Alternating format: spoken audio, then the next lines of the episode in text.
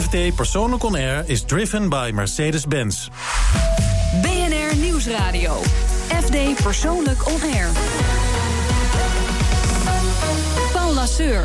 Welkom bij FD Persoonlijk On Air vanuit de College Hotel in Amsterdam. Vroeger of later krijgt iedereen ermee te maken verlies. En juist daarom dat de serie van journalist Brenda van Os in FD Persoonlijk zoveel losmaakt bij de lezers. En met onze geurexpert Tanja Deurlo hebben we het naar aanleiding van de Men's Fashion Week over de relatie tussen parfums en modehuizen. Maar eerst introduceer ik Patrick Hurenkamp. Hij is oprichter en directeur van Bloemon.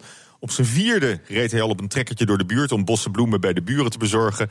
Het duurde toch nog 30 jaar voor hij daar echt eh, geld in zag. Zijn missie: de bloemensector op zijn kop zetten. Hartelijk welkom, eh, Patrick. Fijn dat je er bent. Goedemorgen. Geen bloemetje meegebracht. Nee, dat klopt. Maar ik kan hem wel bij je bezorgen komende week. Oké, nou dat was geen, uh, geen uitlokking hoor. Uh, kun je eens een keer pitchen, in een paar zinnen uitleggen wat, uh, wat Bloemon precies doet? Ja, tuurlijk. wat we met Bloemon willen bereiken is dat eigenlijk iedereen altijd mooie verse bloemen op tafel heeft staan in zijn huis. En dat doen we door drie dingen anders te doen. een bijzondere stijl, extra versheid en gemak. En uh, dat wil zeggen dat wij een team hebben van, uh, van designers die iedere week een unieke bos ontwerpen. We kopen onze bloemen direct in bij kwekers. We werken echt samen met kwekers. En we slaan allerlei stappen over in de keten... waardoor je vijf dagen langer kan genieten van de bloemen. Uh, en tenslotte maken we het heel makkelijk voor je... om iedere twee weken of iedere maand... een mooie bos bloemen in de avond bezorgd te krijgen. Dus een abonnementsconstructie? Ja, maar de goede kant van abonnement. Dus dat het makkelijk is om het iedere keer te ontvangen... wat, maar zonder wat, dat je eraan vast zit. Oh, wat is, dat is de slechte kant van een abonnement. Vind dat was mijn, mijn ja. volgende vraag. Ja. En uh, ja, hoe kwam je in die bloemen terecht?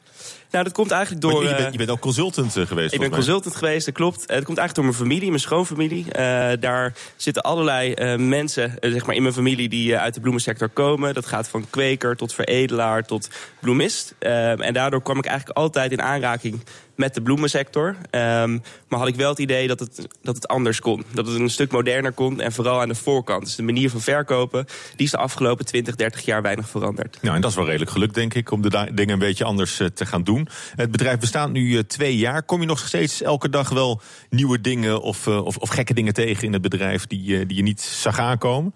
Ja, zeker. We zijn het afgelopen jaar zijn we naar vier landen uitgebreid. Dus we zijn nu in vijf landen totaal actief. en dat betekent dat je natuurlijk in ieder land kijkt naar culturele verschillen. Wat mensen vinden van bloemen, wat ze al weten over bloemen. Uh, en dat is echt een missie voor ons om te zorgen dat mensen dus bloemen voor zichzelf kopen. In plaats van alleen als, als cadeautje bijvoorbeeld. Ja, en dat, uh, en dat zijn steeds, uh, steeds nieuwe inzichten voor jou ook. Klopt. Ja. En die opstartfase, zit, zit je daar nog wel in? Of is dat na twee jaar wel een beetje, een beetje voorbij? Nou, je, je merkt dat je wel met het bedrijf een nieuwe fase ingaat. Dus we hebben nu ongeveer 80 mensen, komen uit meer dan, dan 13 landen dat is anders een bedrijf runnen dan echt in het begin, zeg maar, met, met vijf, tien man. Eerst om de keukentafel en dan je eerste kantoor in. Maar dan is de lol er ook wel een beetje af misschien. Nou, ik vind, het, ik vind het de lol er niet van af. Ik denk dat het een ander soort lol is. Dus in het begin is het de lol dat je iets opbouwt en dat je kijkt van vindt een klant dit überhaupt een mooi product en, en zien ze hetzelfde als wat jij ziet. En nu is, het, is eigenlijk onze uitdaging om het echt uit te bouwen en om te zorgen dat je dus ook in het buitenland groot wordt. Ja, is dat niet voor jou ook het moment om het dan door te geven aan iemand anders? Ja, goeie, want, want je lijkt me ook echt een opstarter. Uh. Goeie vraag. Nee, je moet denk ik kritisch kijken ook naar wat je eigen rol is en je eigen rol verandert. Uh, en wat ik in ieder geval heel belangrijk vind is dat je mensen blijft aannemen uh, die het eigenlijk beter doen dan jezelf op heel veel gebieden. Dus je moet ook kritisch kijken naar waar je zelf waarde toevoegt. Ja, en waar is dat nu nog? Uh, nu is dat denk ik heel erg in het, in het uitbouwen van het bedrijf. Dus in, door goed te kijken wat, wat komt erbij kijken als je naar een nieuw land gaat. Wat zijn de verschillen in cultuur. Maar ook vast durven houden aan je merk en je manier van werken. Dat is echt een balans die je ja. moet zoeken. Dus, en dus dat is denk ik je heel, heel hard groeien is ook een soort opstarten. Heel hard groeien is ook een soort opstarten, ja. ja. Zeker. Nou, en nu ben je wel aan, aan vakantie toe, geloof ik. Ja. Waar ga je naartoe? Uh, naar Thailand. Oké, okay, nou we gaan ook uh, in je hoofd uh, alvast even op reis, ja, niet naar Thailand. Begrepen. We hebben je gevraagd om een ideaal weekend uh, samen te stellen zonder grenzen aan tijd, afstand of geld. En jouw droomweekend klinkt zo. The baseline there is Nadal, isn't he? Because he plays point by point by point. Deze week vervolg ik mijn roadtrip door het uitgestrekte Chili. Entonces le enterré el diente y me quebré los colmillos.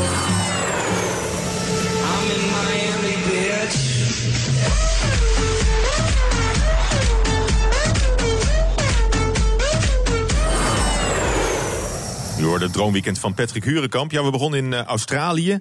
Tennissend tegen Nadal. Dat had je al een keer in het eh, papieren blad eh, FD persoonlijk eh, verklapt. Hè? Dat je in een droomweekend wel een balletje zou willen slaan met Nadal. Zeker. Ja, ik heb, ik heb al eens in Melbourne daar op de tennisbaan gestaan. Alleen, Van de Australian ik- Open? Precies, maar ik Ja. tenniste gewoon tegen een vriend van me, niet tegen Nadal helaas. Ja, want je, je hebt in Australië ook gewerkt, hè? Gewoon? Ja, klopt. Hoe lang? Ik heb daar bijna twee jaar gewerkt. En wat, wat deed je daar? Ik werkte daar voor de Boston Consulting Group, dus als eh strategieconsultant. Ja, ja, ja. En waar ook in, in Chili? Chili, ja, dat is eigenlijk... Overweldigende natuur waarschijnlijk. Ja, hè? ik heb, ik heb ooit een keer een foto eh, tentoonstelling gezien van eigenlijk de mooiste plekken ter wereld. En het viel me toen op dat de meeste foto's gingen over Chili. Dus toen dacht ik van ja, daar, daar wil ik gewoon nog een keer naartoe. Eh, dus dat zou ik in zo'n weekend wel willen doen. ja, we eindigden in Florida, hè? Miami Beach. Ja. Eh, bijzondere plek voor jou? Een hele bijzondere plek. Ja, eh, mijn, mijn dochter is daar geboren, Isabel. Eh, die hebben we daar twee jaar geleden opgehaald, mijn vriend en ik. Ehm, dus dat is voor ons een hele bijzondere plek. En daar zouden we heel graag weer een keer naartoe willen.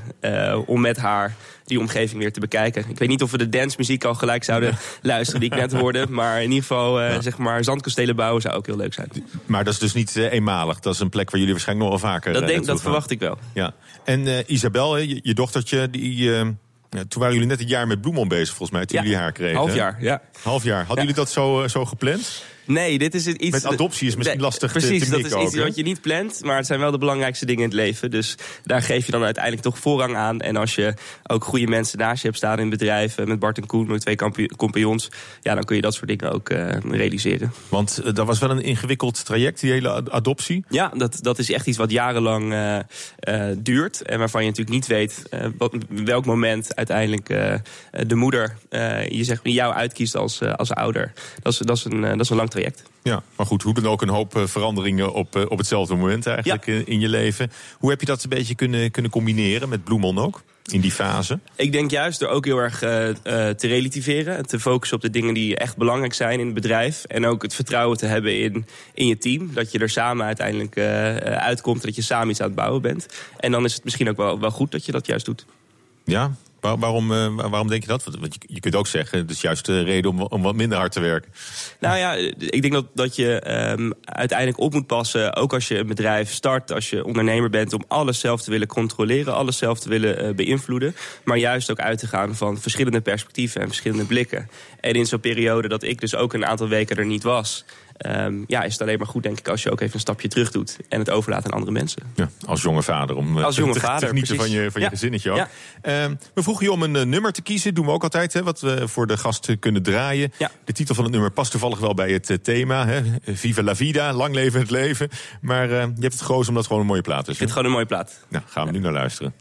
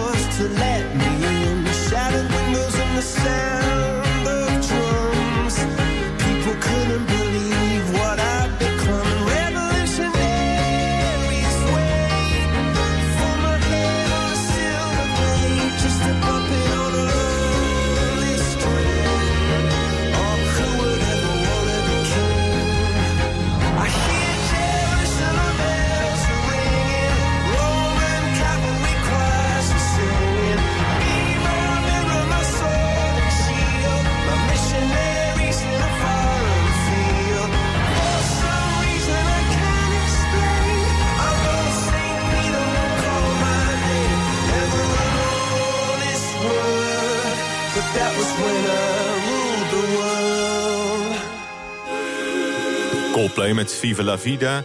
Eh, Patrick Hurenkamp is een nummer uit 2008. Dat is alweer even geleden. Klopt, was net afgestudeerd. Dus Net eh, afgestudeerd. bijzonder moment. Bijzonder moment. En, ehm, en had je toen al een beetje voor ogen waar je, waar je nu staat? Ja, ik wist dat ik. Ik wist eigenlijk altijd al wel dat ik wilde ondernemen. Eh, dus die, toen ik vier jaar oud was, inderdaad op het trekkertje de bloemen verkopen. Dat was misschien het eerste moment. Maar daarna ook, ik heb een eigen bedrijfje gehad in de IT en webdesign tijdens mijn studie. Dus ik wist wel dat ik wilde gaan ondernemen. Tegelijkertijd wist ik ook wel dat ik nog een hoop wilde leren. En een goed idee moest bedenken natuurlijk. Ja, en, eh, en, en man en dochter inmiddels. En als je, als je, als je dan terugkijkt, die, eh, die wat is het, eh, acht, acht, negen jaar, dan eh, kan er een hoop gebeuren. Kan er zeker een hoop gebeuren, ja. Straks zijn we terug met Patrick Hurenkamp. We hebben ook geurexpert Tanja Deurlo in de show over de logische link tussen parfums en modehuis. BNR Nieuwsradio. FD Persoonlijk On Air. Welkom terug. Vandaag is Patrick Hurenkamp van Bloemon mijn gast. En de tafel is inmiddels ook gevuld met eh, allerhande potjes en flesjes weer. Elke week vertelt een deskundige wat het oog streelt, of het hart raakt... of in dit geval ja, de, de, de geurzin gaat eh, prikkelen. Want deze week is geurexpert Tanja Deurlo te gast van de Perfume Lounge in eh, Amsterdam. Net terug ook van de Men's Fashion Week in Parijs. Wat moet je als geurexpert op de Fashion Week? Ja, goedemorgen. ik, eh, ik was daar om een eh, parfum te introduceren voor een modehuis. Oh, maar mode is vooral textiel, toch? Ja, mode en eh, parfum hangen eigenlijk, of, eh, gaan al heel lang eh, samen. Paul Poiret, begin vorige eeuw, was de leermeester van Christian Dior. En die was de eerste die zijn modelabel koppelde aan parfums. En die ging zo ver dat hij per jurk een parfum ontwierp. Dus dat was eigenlijk een combinatie. En ja, parfum is ook een, een uiting van stijl. En daarnaast moeten we zeggen natuurlijk dat voor veel parfumhuizen... of voor veel modehuizen moet ik zeggen... het een goede omzet- en margebrenger is. Ja, hoeveel dan? Want dat is enorm gegroeid natuurlijk. Heeft Ja. Nou- een enorme vlucht genomen, denk ik, ook voor, eh, voor, voor Dior en Chanel. en Ja, zo, die- de die Dior's, de. Hermes, de eh, Chanel is natuurlijk in 1921 begonnen ze al met Chanel 5. En in 1924 hebben ze al meteen een apart bedrijf opgericht. Omdat het natuurlijk een andere tak van sport is. Met een andere distributie, andere productiemethodes. En een derde ongeveer van de omzet. En ik denk een hogere marge, een hoger deel van de marge... is eh, parfum en cosmetica binnen Chanel. Ja, ja. Nou kan ik me voorstellen dat Chanel of, of Dior dan, hè, for, that matter, dat, dat heeft nog wel wat, wat chics. Hè? Ook die, die hebben die heritage, die hele traditie. Dat ze al sinds, wat is het, 1924 met, met parfums op de markt komen. Maar ik heb wel eens bij, bij andere modelabels, of, of hè, bij, bij, bij Calvin Klein, of bij, bij Tommy Hilfiger, of weet ik het. Als die dan ook zo nodig met een geurtje komen, vind ik dat een beetje plat. Nou, ik eh, denk dat er ook best wel eh, voorbeelden zijn die niet zo goed gelukt zijn. Eh, een merk moet natuurlijk heel begeerlijk en hebberigmakend zijn om daar dan ook een parfum van te Ja. willen. Want ik kan geen eh, 5000 euro voor een Chanel pakje neertellen, maar wel 80 euro voor het parfum. Heb ik toch mijn Chanelletje. En een hele hoop merken hebt hebben geen- dat maar je hebt hebberige, ja, maar je hebt geen logo. Je hebt geen logo. Je, je, moet Nee. dus, je, je stelt ook de, de neus, de, de reukzin van, van voorbijgangers ook behoorlijk eh, op de proef. natuurlijk. Ja, als het goed gelukt is, heb je echt de merkidentiteit en de merkwaarde vertaald in geur. En eh, je hebt gelijk, bijvoorbeeld, er zijn veel sportmodemerken bijvoorbeeld die, eh, wat mij betreft, redelijk de plank misslaan. Een, een flesje Adidas op de wastafel. Ja, dat bestaat. En eh, ja, dat geeft toch een heel ander gevoel dan een Dior of een Chanel. Ja. Nee, maar ook, je, hebt, je hebt ook eh Abercrombie Fitch hè, met, met, die, met, dat viersluchtje. Nou, bam. dat is ook wel echt... eh, Nou, dat is wel een leuk voorbeeld, omdat dat precies wel een goede vertaling is waar ze voor staan. En voor die doelgroep, en dat zijn jij en ik niet, is dat wel eh, helemaal congruent. maar echt, echt zo'n lawaaimerk. Ja, eigenlijk En wel. dat- En, dat ruik je ook. Want, want hoe, hoe zorg je ervoor dat, dat die geur en die identiteit met elkaar in de, in de pas lopen? Ja, je maakt als het ware een zintuigelijk profiel van een merk. En dat, eh, dat gaat over identiteit, over waarde. En omdat parfum je meest persoonlijke accessoire is, kan je dat dus heel persoonlijk omzetten eh, naar een eh, stijlkenmerk. Ja. En als het goed gelukt is, heb je dus feitelijk de gedachte van de modeontwerper vertaald in geur. Dat klinkt heel abstract, maar als je het ruikt, dan weet je dat het klopt. Ja. Is dat ook jouw werk of niet? Toevallig wel. Dat is ook wat, je, wat jij doet, hè? Ja, ik ben eh, ook per, eh, perfume designer voor, eh, voor zakelijke opdrachtgevers. En daarom was ik ook in Parijs, als ik zo vrij mag Ja, zijn. Sal Privé is een nieuw herenlabel. Nederlandse Ja. ontwerper, Patrick Munsters. Misschien bekend van Scotch Soda en Marie Stella Maris. En hij heeft een paar maanden geleden heeft hij zijn herenlabel gebracht. En die werd gelaunched in, in Parijs met de hele collectie. En meteen werd ook het eerste parfum eh, neergezet, Le Temps Perdu. Le temps perdu. Oui. Even mijn Frans hoor, eh, verloren tijd. Hè? Ja, ja, dat, Proest. dat, dat- oh, dat klinkt al meteen heel luxe ook, hè? Verloren tijd is wel... eh, Ja, het, het, het label, de, de kleding is allemaal in Italië gemaakt. En het parfum is natuurlijk in Frankrijk gemaakt. Nou, laat, laat eens ruiken dan. Ja. Pak er maar. Want het ziet er ook prachtig uit trouwens. Het zijn vrij grote, ja, iets groter dan een cd-doos is het. En dan wat hoger ook. Stevig karton, het lijkt hout. Ja, het is, eh, het is heel strak. Eh, het is ook eigenlijk... het flesje lijkt een beetje op, op de Chanel-flesjes, moet ik Vind je? eh, ja. Nou, Chanel is vierkant en plat. En Oh. dit is rond en cylindrisch. ja, nou ja. Maar dat ziet Ja, de luisteraar het niet. zwart-witte, het zwart-witte. Nou, vooruit, het zwart-witte. Maar het is wel meteen de vertaling waar we het net over hadden... van de congruentie. Mm. Van het gaat over het, het hoogwaardige en over het krachtige. Ja. Heren. Ja. Ja. En eh, de- dezelfde naam bij Patrick. Je krijgt hem eh, aangereikt. Nou, dan ben ik benieuwd. ja, Patrick heeft ook een goede neus, denk ik. Daarom. In ieder geval voor, voor bloemen. Maar Ik ga precies de bloemen, die ruik ik natuurlijk altijd. Weinig bloemigs zit hier aan, moet ik zeggen. Maar hij is wel lekker fris. Fris, krachtig. Ja, ik vind, het, ik vind de eerste tellen altijd een beetje... En dat, hangt, die, hangt die alcohol er nog in. Dan is, Is, is ook zo. Het mooiste komt hier. eh, zetten, specifiek deze geur komt op je Ja, huid heel mooi tot zijn eh, recht. Omdat het een amber musk eh ambretzaad combinatie is. En ambretzaad wordt ook wel muskzaad genoemd. Dus dat is heel krachtig, een beetje dierlijk en warm. ja, heel mannelijk ook dan. Ja, eh, parfums kunnen uiteindelijk natuurlijk door mannen en vrouwen gedragen worden. Dat is ook steeds meer, toch? Ja, en eh, het is natuurlijk een herenlabel, maar wij zien ook heel veel vrouwen die hiervoor vallen. Ja.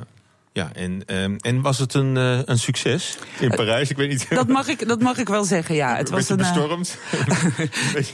Eh, er- waren, eh, er was eh, natuurlijk veel pers aanwezig, maar ook veel eh, mensen uit de, uit de mode, retailers. En eh, het, was, eh, het was een succes. We kregen ook precies terug wat we, wat we wilden in het parfum. Dat het een goede vertaling was Ja. van, eh, van het label. Eh, en wat ik het goede vind van dit parfum is dat het vrij abstract is. Dus het ruikt niet naar een roosje of naar een ceder, cederhout. Eh, maar het is echt een, eh, een krachtige, eh, ja, tijdloze geur. ja. En, en daarmee ook modern, omdat het niet aansluit bij echt... eh, Ja, je zou het zelfs een moderne klassieker kunnen noemen. Ja, moderne klassieker. Zou jij het dragen, Patrick? Is dit, eh, Ik vind hem is echt dit lekker geur ruiken. wat jij lekker vindt? Ja, ik heb, ben zelf van Chanel Bleu, dus dat vind ik ook wel een beetje in dezelfde categorie qua geur. Maar eh, Ja, dat houtige wat, eh, wat Chanel Ja. Bleu ook heeft, klopt. Chanel Bleu kan jouw goedkeuring ook wel wegdragen? Of niet? Natuurlijk, natuurlijk. Want ik, ik heb altijd het idee, als je als professional met geuren bezig bent... dat je dan die, die, die, die hele grote succesnummers... dat je daar een beetje eh, op, op, op neerkijkt misschien. Nee, dat, ik, sterker nog, daar heb ik respect voor als mensen dat succesvol hebben neergezet. Maar als je jezelf wil onderscheiden en niet als de buurman wil ruiken. jij gaat voor de niche natuurlijk. Ja, de avant-garde, de, ni- de niche niet per se. eh, maar ik kan ook genieten van een heel goed eh, parfum voor een douchecrème voor 5 euro, als dat mooi gemaakt is. Maar qua parfums is het leuk als je niet hetzelfde ruikt als je collega. Ja, dat is absoluut waar. En, ehm, en kan je nou nog één keer uitleggen waarom eh, het, het merk eh, Sal Privé voor de kleding nou ook terugkomt in deze, in deze geur? Nou, de label, het label staat voor tijdloos en seizoensloos. Dus het zijn echt eh, essentials. Eh, mooie jassen, mooie broeken, mooie, mooie truis, truien, zeggen we. En eh, hier ruik je ook dat tijdloze, het krachtige. Eh, en het is ook de smaak van Patrick Munsters... die hij ook eh, duidelijk eh, laat doorklinken. Ja.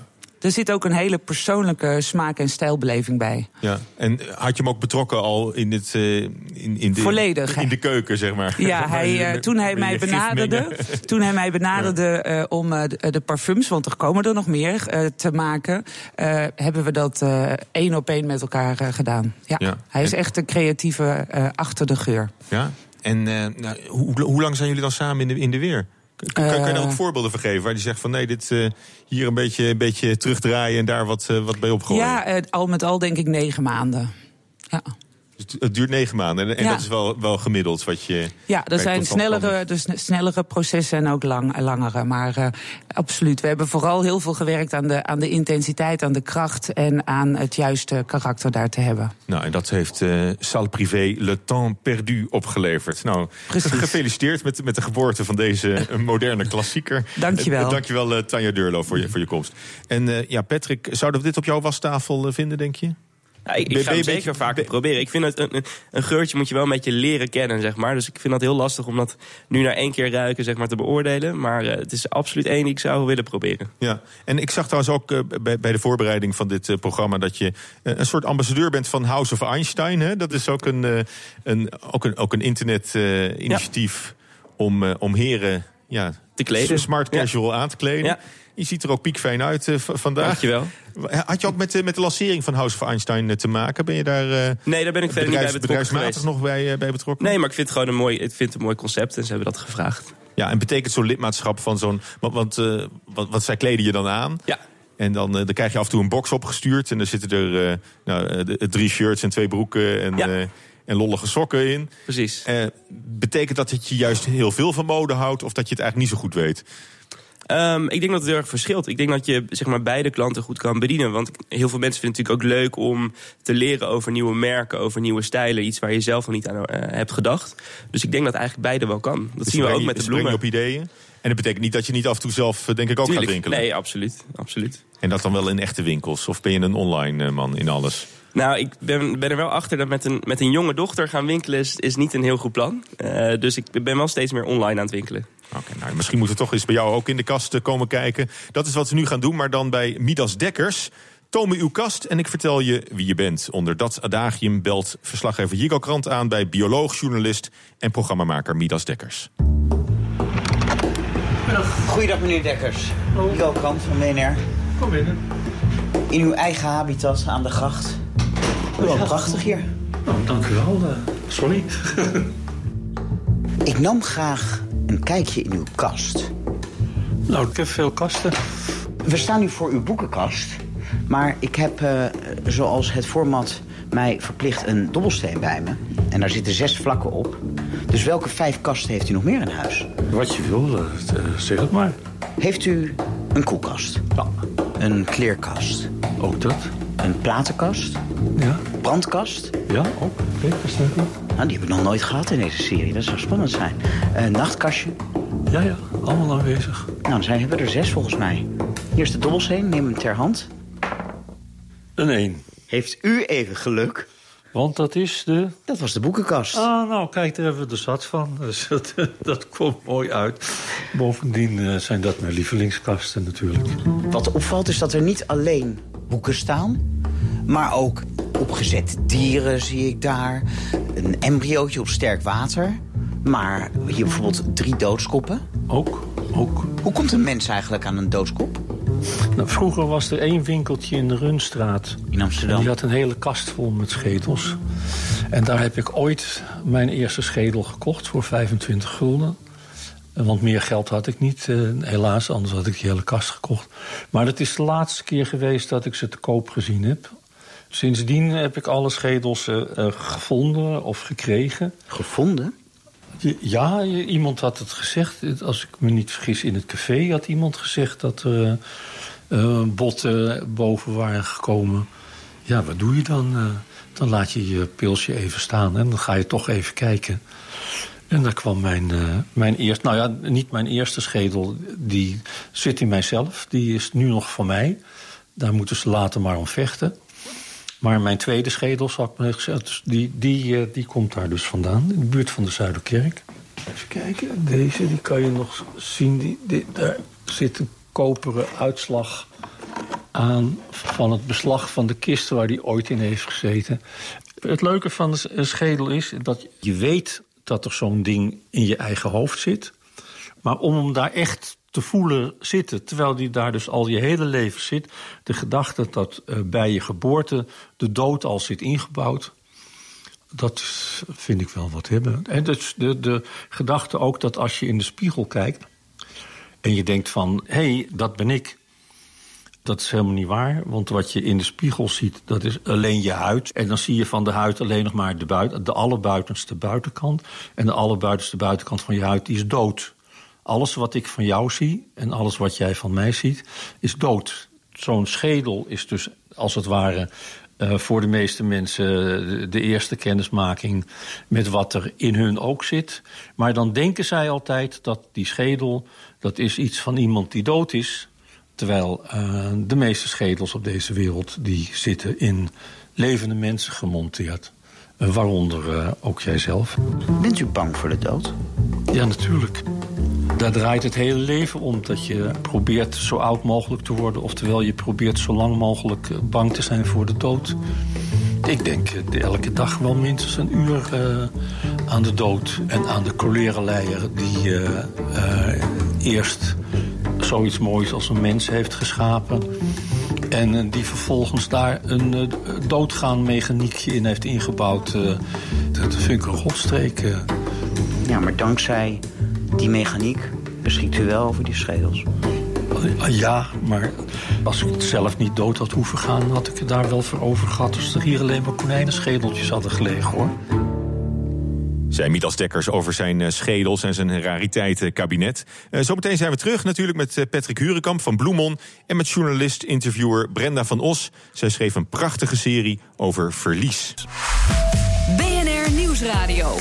FD Persoonlijk On Air. Paul Lasseur. Patrick Hurenkamp, oprichter van Bloemon, is vandaag mijn gast. En Brenda van Os schuift net aan. De FD Persoonlijk lezers hebben al kennis met haar gemaakt. Die hebben het niet kunnen missen. Haar serie over verlies maakte nogal wat eh, los. Heb je veel reacties gehad, eh, Brenda, op die serie? Ja, enorm veel eh, reacties. Ook op de redactie en voor mij privé.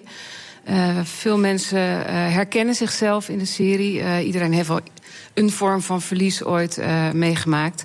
En ehm, ja, ik krijg veel te horen dat het mensen troost biedt. Ja, maar dat kan ik me ook wel voorstellen. Ook omdat het eh, ja, in, in een blad voor, eh, voor, voor- ook voor lifestyle en, en, en spullen... En, en eigenlijk het, waarin het leven gevierd wordt op, op een hoop manieren, kun je zeggen... dan toch ineens zo'n serie over, over verdriet en hele, hele diepgaande persoonlijke gesprekken. Want dat waren het. Ja, zeker. En daar heb ik ook wel, wel even voor moeten knokken om dat er, erin te krijgen. Ehm, omdat inderdaad eh, ge- gedacht werd van ja, moet je mensen daar op zaterdagochtend mee eh, tussen aanhalingstekens lastigvallen? Ja, how to spend Ehm, it, hè? dat is ja, meer, meer dat is toch het profiel van het blad. Ja. Ja. Eh, tegelijkertijd heb ik altijd gedacht van dat dit is het leven. En het, het contrast daarvan eh, maakt het des te fijner om. ehm,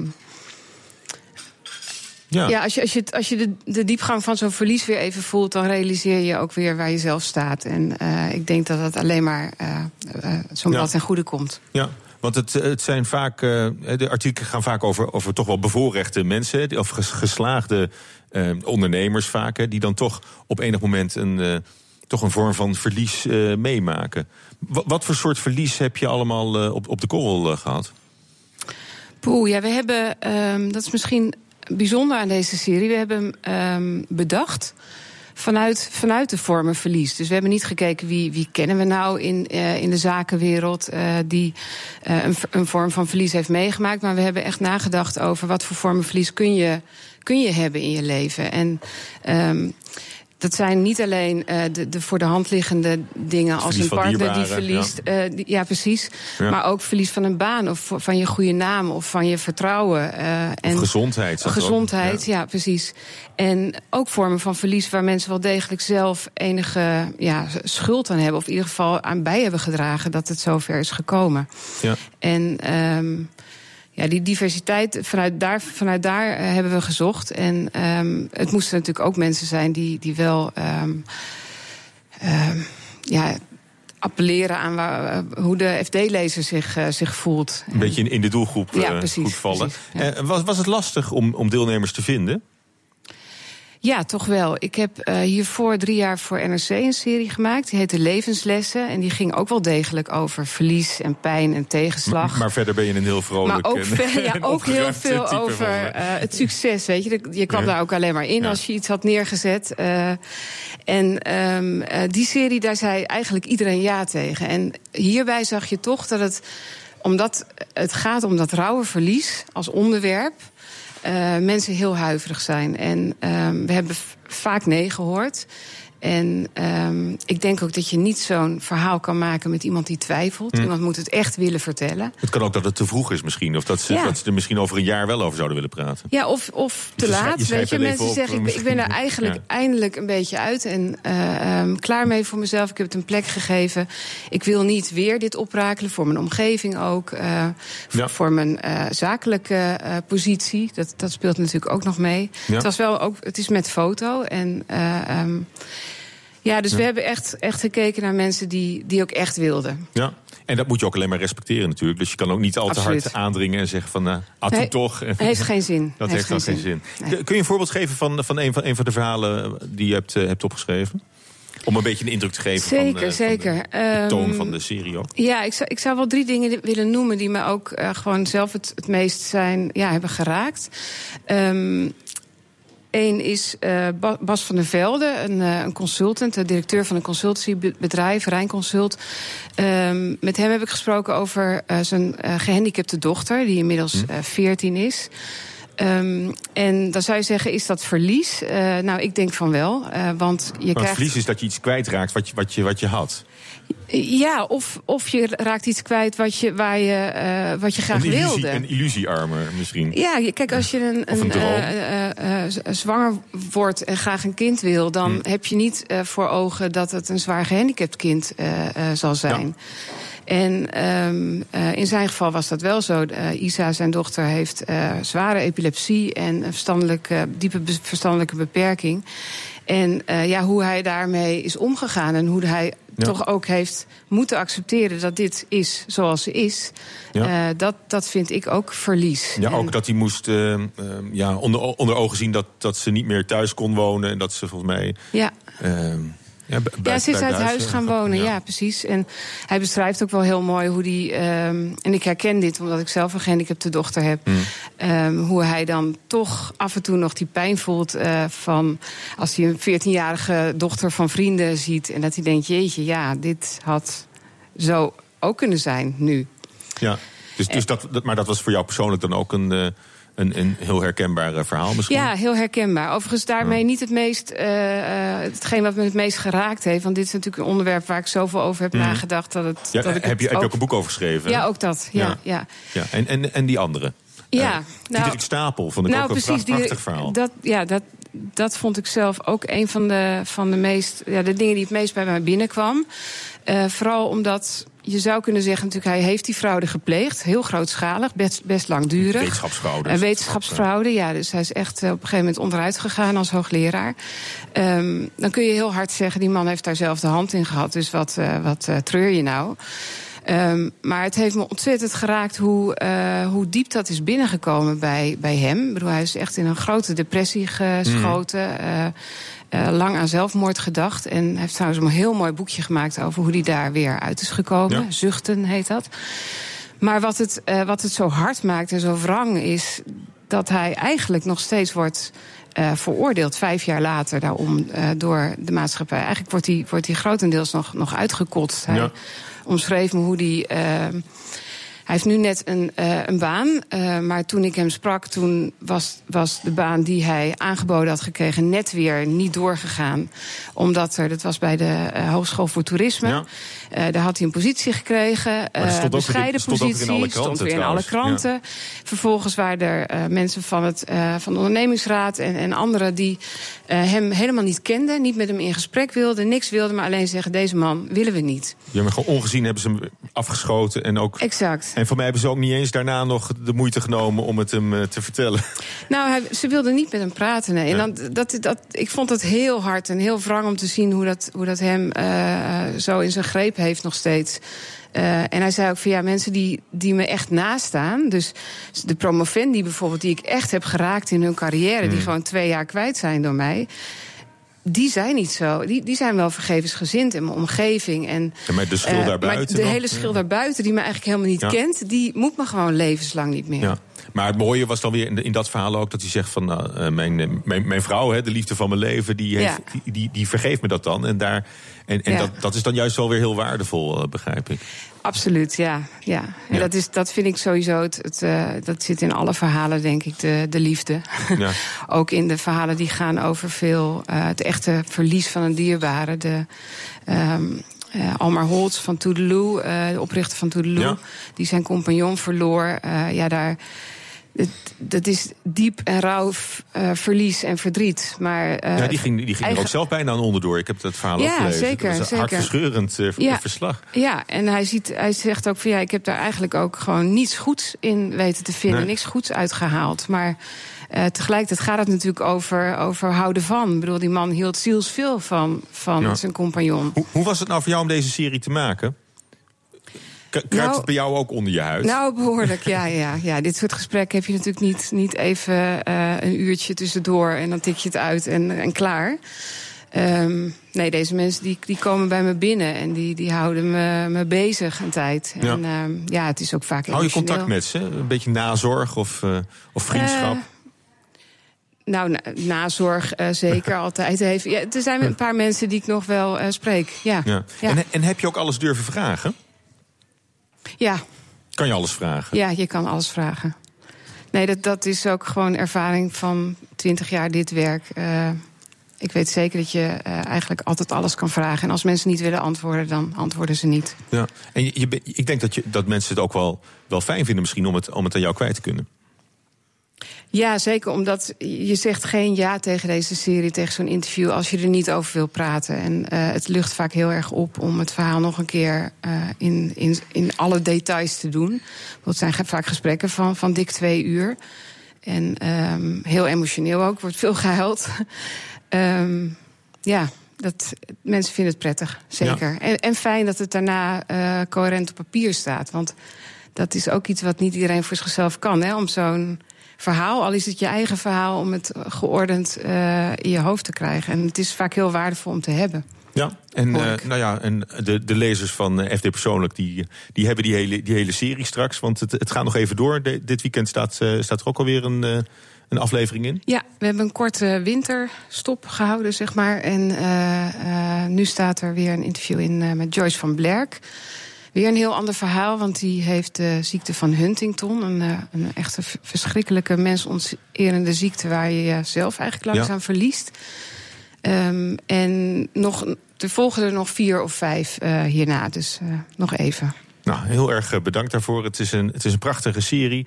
En nou, ik, lees, ik lees het met, eh, met veel plezier. Dankjewel. Dankjewel. Ja, en eh, ja, Patrick Hurenkamp hier ook aan tafel. Een universeel thema, hè, dat, dat verlies, denk ik. Ja, eh, bijzondere eh, verhalen als ik het hoor. Ik denk privéverlies, daar lees je natuurlijk vaker over. Dat maakt denk ik iedereen eh, natuurlijk wel eens een keer mee in zijn leven, helaas.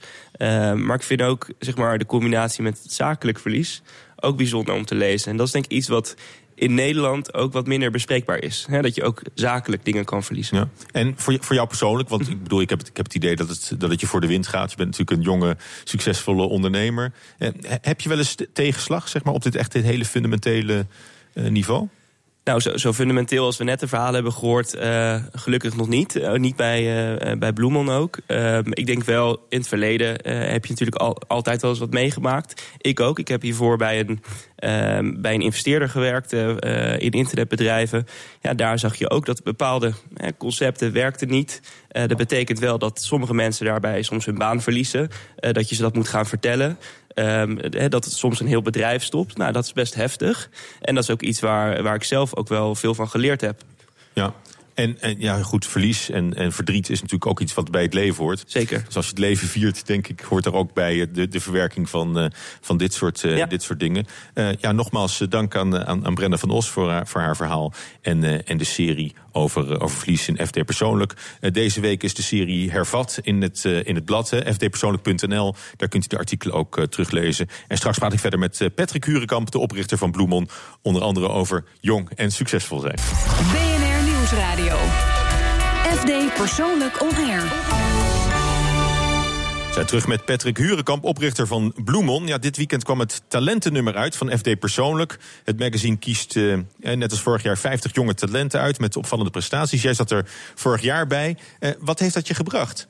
Zeg maar, lid van dat netwerk, die 50 talenten? Nou, wat, wat vooral heel leuk is, is dat ehm, eh, niet alleen maar stonden we natuurlijk eh, in het FD, maar ook eh, waren een aantal events georganiseerd voor ons. En dan kom je als ondernemer ook weer even uit je cocon. Je bent best wel gefocust op het bouwen van je bedrijf, op je eigen team. Eh, en door dit soort, ja, door dit soort events kijk je dan ook weer even een, krijg je een stuk van de rest van de wereld mee. En dat is ook wel erg fijn. En er zitten gewoon een heleboel interessante mensen en verhalen tussen. Ja. Ja, of, of de buitenwereld. Het, het is ook wel een beetje de bubbel van de jonge, succesvolle eh, ondernemers. Ja, maar in ieder geval voor mij geldt dan wel dat, dat ik niet me daar elke dag in begeef in die bubbel. Dus dan is het wel, eh, wel leuk om te weten wie er nog meer in die bubbel zitten blijkbaar. Ja, hoe lang blijf je een, eh, een talent eigenlijk? Is is het nog wel leuk om te horen el- elke dag dat je jong en succesvol bent? Nou, ik, ik, ik krijg dat gelukkig niet elke dag te horen. Ik denk dat het ook heel gezond is. Ehm, eh, maar ja, goed, uiteindelijk moet je ook, denk ik, jezelf blijven ontwikkelen in alles wat je doet. En, en nieuwe dingen willen leren. Ja. Beschouw je jezelf als eh, succesvol? Ben je al geslaagd? Eh, nee hoor, mijn, mijn bedrijf, ons bedrijf is nog steeds eh, verlieslatend.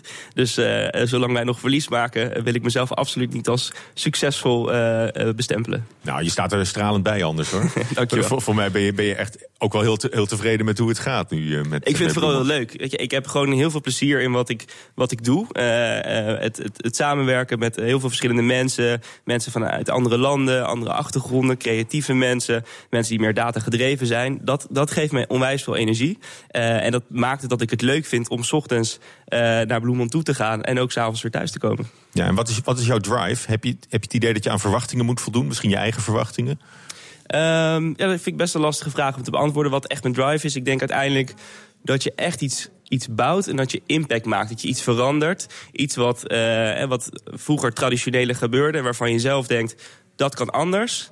Maar dat dat dan ook lukt. Dus dat klinkt misschien een beetje abstract. Maar al- als het straks ons lukt om in Europa, misschien wel wereldwijd, overal eh, verse bloemen op tafel te zetten. die wat vernieuwender zijn en anders. met een heel andere keten erachter. Als dat ons echt lukt, ja, dat zou ik wel heel gaaf vinden. Ja, en eh, was je altijd al iemand die de lat zo hoog legde voor zichzelf? Ehm, nou, ik, ik vond altijd het, dus het ondernemen wel leuk. Nadenken over nieuwe ideeën en, eh, en hoe, je dat, hoe je dingen beter zou kunnen doen. En ik ben denk ik gewoon van mezelf uit vrij nieuwsgierig. Ik vind het leuk om nieuwe dingen te proberen. Eh, en ik denk dat me dat eh, vooral drijft. Ja, want je hebt ook een paar jaar als, als internetinvesteerder gewerkt. Was misschien wel een goede leerschool ook, dan. Absoluut. Voor, voor, dat was, voor wat je nu doet. was voor mij een soort speeltuin om te leren wat, wat, wat ondernemen is. Ja, en krijg je nou een, een krul in je neus als je een kansrijk idee in handen hebt? Hoe, hoe voel je dat? Ehm, nou, uiteindelijk is het denk ik... eh, eerst krijg je een idee, maar vervolgens ook het vooral testen. Testen in je omgeving, eh, andere mensen eh, vragen naar wat ze ervan praten, vinden. praten, praten. Dus. Maar ook vooral doen. Dus Ja. ehm Blue Mon zijn we begonnen, eh, echt letterlijk aan de keukentafel... eh, met een groepje van 50 eerste klanten. Dat waren dan eigenlijk voornamelijk familie en vrienden. Hm. En daar hebben we gewoon bloemen bezorgd. Die hebben we ook wel laten betalen. Want als je ze niet laat betalen, krijg je toch dan heeft, andere dan heeft het minder waarde ook. Precies. Ja. Dus, dus, en en ja, dan kijk je pas echt of iets werkt. Dus het is ook wel gewoon doen. Ja. Nou, e- even over die bloemen trouwens. Ik heb het idee dat het voor bedrijven veel, veel sneller zou werken dan voor particulieren. Om een, om een bloemenabonnement. eh, ja, ik mag het zo niet noemen. Ja. Nou, je mag, Maar, je eh, mag- bloemenabonnement. Je mag eh, het zeker zo noemen, maar hij is wel flexibel. Dat is belangrijk om erbij te zeggen. Nee, ik denk dat het voor ons eh, een keuze was. En wij hebben ervoor gekozen om, eh, om echt een, eh, een bloemenmerk te bouwen... met een stijl die herkenbaar is. En dat is ook vergelijkbaar met, met bijvoorbeeld de modewereld... of misschien wel met, eh, met parfums. En dat, dat doe je wel echt door je te richten op de consument. Ja. En als de consument uiteindelijk dat omarmt... zullen er ook heel veel bedrijven zijn die het leuk vinden... om ook zo'n mooie bos op tafel te zetten. Maar dat is wel in die volgorde. Ja. Want eh, een ander concept waar mensen je misschien van eh, kennen is eh, Hello Fresh. Heb jij dat gelanceerd? Was dat uit jouw ik heb, koker? ik heb het uitgerold, maar het was niet mijn idee. Dus ik heb het uitgerold ehm, voor die internetinvesteerder... met de focus op de, op de Nederlandse en de Belgische markt. Maar dat is zo'n zo'n vers box is dat, hè? Met, met, met groenten Met voor, de, hele week. recepten, zodat je altijd gezond eet en lekker makkelijk. Dus eigenlijk, eigenlijk, eigenlijk ook een abonnement. Met, eh, het, het, het, Ja, is, het is het dat is een ernaast. dat is inderdaad van de overlap. Ja. Van de kolen naar de, naar de, naar de bloemen. Ja, ja, maar ik denk dat het wel een ander soort product is. Hè. Bloemen is natuurlijk echt een, eh, een emo- emotionele aankoop. Dat koop je voor in je interieur. Om je huis mee te verfraaien, om jezelf beter van te voelen. Dat is wel weer iets anders dan, hè, dan ingrediënten en recepten. Ja. Maar wat daarbij hoort, volgens mij, hè, een be- beetje in die kneuterige Hollandse cultuur, is dat je op vrijdagmiddag langs de markt loopt. Ja. Hè, als, je, als je vis gaat halen, ga je ook even langs, eh, langs het bloemenstalletje. Ja, en daar is ook helemaal niks mis mee. Dus ik Nee, denk dat... Daar is niks mis mee, Nee. maar dat, dat help jij niet om zeep. nou, dat, dat, zeg maar, dat, dat erfgoed. Dat geloof ik niet. Wat, wat wij zelf al zien, eh, we doen ook onderzoek naar onder onze klanten. En wat we zien is dat heel veel mensen hiervoor geen bloemen kochten, weinig bloemen kopen. eh, en nu juist meer bloemen kopen en het makkelijk vinden dat, dat het in huis komt. Dus ik denk dat we heel erg de markt groeien. Dat dat ook iets is wat goed is voor de hele bloemensector. Dus voor kwekers, maar ook voor eh, bloemisten... Die, die vervolgens ook weer zien dat mensen meer van bloemen zijn gaan houden. Mhm. Dus ik denk uiteindelijk dat je, dat je niet te veel moet denken... in eh, het kaas van het brood eten, maar meer hoe kunnen we dingen beter doen. Ja. Nou zijn we in Nederland echt een bloemenland. Hè? Eh, bloemen houden van mensen en, en haal ze in huis. Dat, dat zijn zo die kreten. En, het- en het is ook zo. En mensen brengen hier bloemetjes, kopen ook bloemen voor zichzelf. Ehm, gaat dat werken in andere landen? Nou, dat, is, dat is onze missie, hè, dus dat moeten we laten zien. Eh, ik denk dat we goed op weg zijn, maar het klopt. In Nederland eh, kopen mensen al zo'n 200 jaar eh, bloemen, ook voor zichzelf, ook voor in huis. Ehm, ik denk dat het nog wel eh, iets meer bijzonder kan. Hè? Dus de, de soorten bloemen die je koopt, en daar ook over leren, weten hoe je met bloemen omgaat. Dat is iets wat je in Nederland bij jongere generaties ook minder ziet. Hè? Dus onze opa's en oma's die weten nog wel wat een grisant is of een freesia en wat daarbij belangrijk is. Maar mensen van 30, 40 jaar al minder. Dus in Nederland is daar ook al eh, denk ik nog een, eh, een missie voor ons. Maar in het buitenland zie je inderdaad dat eh, veel mensen kopen bloemen voor een ander. Of echt simpelweg een bosje tulpen die na drie dagen neervallen. En dat is iets wat we kunnen veranderen. Ja. En, en hoe dan? En hoe dan? Door, eh, en denk aan de stijlkant, dus net meer Ja. te gaan werken als de mode-industrie. Qua versheid eh, is het echt direct van de kweker. Dus wij werken echt samen met kwekers. Dat is echt bijzonder. We werken met meer dan 300 kwekers. Eh, en die vertellen we al in het forum... dit is ons ontwerp, dit is de bos. En leveren het ons op dat moment... zodat wij het echt een dag later bij die klant in Berlijn, in Kopenhagen, in Londen... eh, aan huis kunnen bezorgen. Ja. En dat is een groot verschil met ja, hoe de traditionele sector en de traditionele keten werkt. Ja. Nou, eh, nou is, is Nederland eh, het- tweede land ter wereld als het gaat om agrarische export. Ja. zag ik deze week. Ehm, ook ook naar, naar de, alleen de Verenigde Staten voeren ze geloof ik meer agrarische producten uit. Hè? En bloemen is daar een belangrijk onderdeel van. En eh, komen, jullie, komen jullie overal tussen met, eh, met, met die bloemen? Ja, dus 50% van de wereldhandel eh, in bloemen gaat via Nederland. Dus Nederland is daar echt koploper in. En we hebben hier heel veel kwekers en veredelaars die ook nieuwe soorten ontwikkelen, die continu bezig zijn met het verbeteren van het product. Echt een soort Silicon Valley, maar dan van bloemen. Ehm, en ik denk dat wij dat juist heel erg versterken met wat we doen. Ja. En de toekomstplannen? Toekomstplannen. Ja, de toekomstplannen voor ons zijn om een wereldwijd bloemenmerk te bouwen. Nou, dat is nogal een ambitie, denk ik. Ja, maar met, met Patrick Hurenkamp, ga, blijf je er altijd bij? Of even voor jou persoonlijk ook de, de toekomstdroom? Zeker. Het is voor mij heel belangrijk om dat te realiseren. Ik ben pas tevreden als we dat, als we dat zijn. En als er echt een bos bloemen op iedere tafel staat. Dan niet een treurig bosje rozen, eh, wat dus na een paar dagen omvalt. Maar echt bijzondere soorten die lang staan. Dat is mijn ambitie. En ik denk dat we daar nog wel een paar jaar voor nodig hebben. Ja. En eh, als we nou de rocking chair test met je doen, hè, die, eh, die, doen die doen we wel eens met onze gasten. Stel je bent, eh, je bent 80, 90 jaar oud, je kijkt terug op je leven. Wat zou je dan tot een tevreden mens maken? Wat, waar wil je dan op terugkijken? En daar wil je even in drie seconden antwoord op natuurlijk. Eh, dat, dat, is een hele 20. goe- dat is een hele goede vraag. Ehm, ik denk dat je uiteindelijk is het belangrijk dat je eh, gelukkig bent. Eh, en dat begint denk ik met privé. Dus ik zou het heel fijn vinden als we een mooi en gezond en gelukkig gezin hebben. Ehm, waar dan ook ter wereld. Het kan in Nederland zijn, maar misschien ook wel ergens anders eh, in de wereld. Ehm, en dat we echt iets, ja, met Bloemon, dat we echt iets hebben opgebouwd.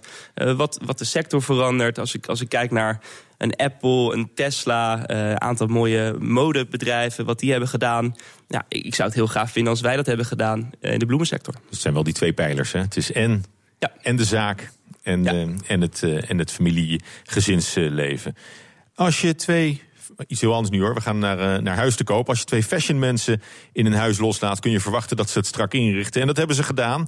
Morina Leito en haar man Art Zuiderwijk die maakten een prachtig modern appartement in het opvallende Art Deco Rijksmonument tegenover de Veerhaven in Rotterdam.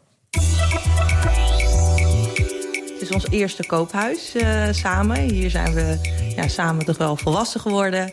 Hier hebben we ons eerste kindje eh, eh, naartoe meegenomen. Dus voor ons zal dit huis altijd een, ja, een bijzondere plek hebben.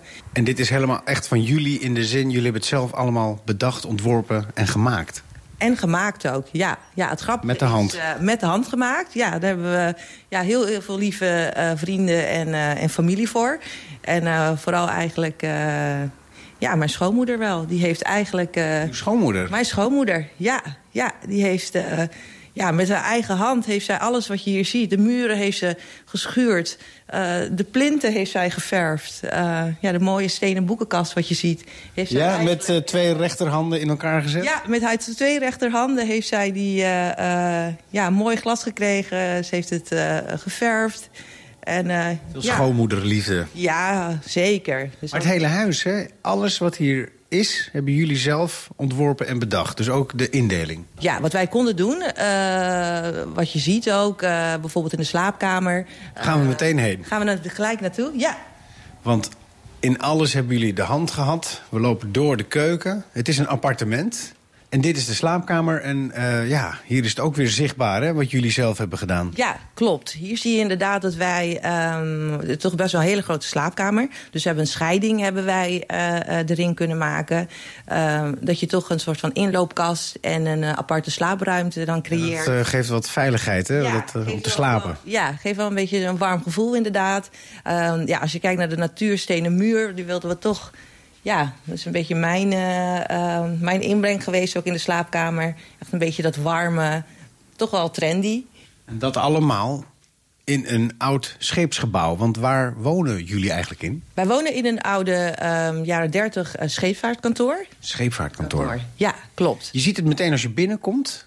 Als je Rotterdam een beetje kent, dan denk je... dit is Rotterdam ten voeten uit. Glas en lood, eh, allemaal eh, robuuste afbeeldingen.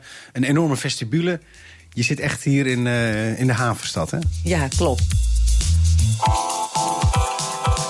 Nu gaan we door gang nummer drie, als ik het zo zie. De badkamer hier links, toilet links. En dan komen we in de woonkamer. Hoog plafond, ook veel ruimte weer hier. Hoe je het ook went of verkeerd, als jullie vertrekken... dit krijg je nooit meer terug. Iets soortgelijks. Nee, nee, dit is wel echt een heel eh, uniek, bijzonder project eh, in Rotterdam. En eh, ja, er is nog wel mogelijkheid om ehm, nog dingen naar je eigen hand te doen. Dat zeker. Ja. Wat is de vraagprijs? Eh 6,95. Hoorde Harmen van der Veen in gesprek met eh, Morina Leito. Ja, benieuwd hoe die stenen wanden er precies uitzien. Dat kun je kijken op, eh, op Twitter of op de BNR-site. En als ik het zo zie, dan eh, zou een bloemetje daar geen kwaad kunnen. Patrick Kurenkamp van, eh, van Bloemon. Ben ik helemaal met je eens. Dankjewel dat je mijn gast was. moet je nog pakken?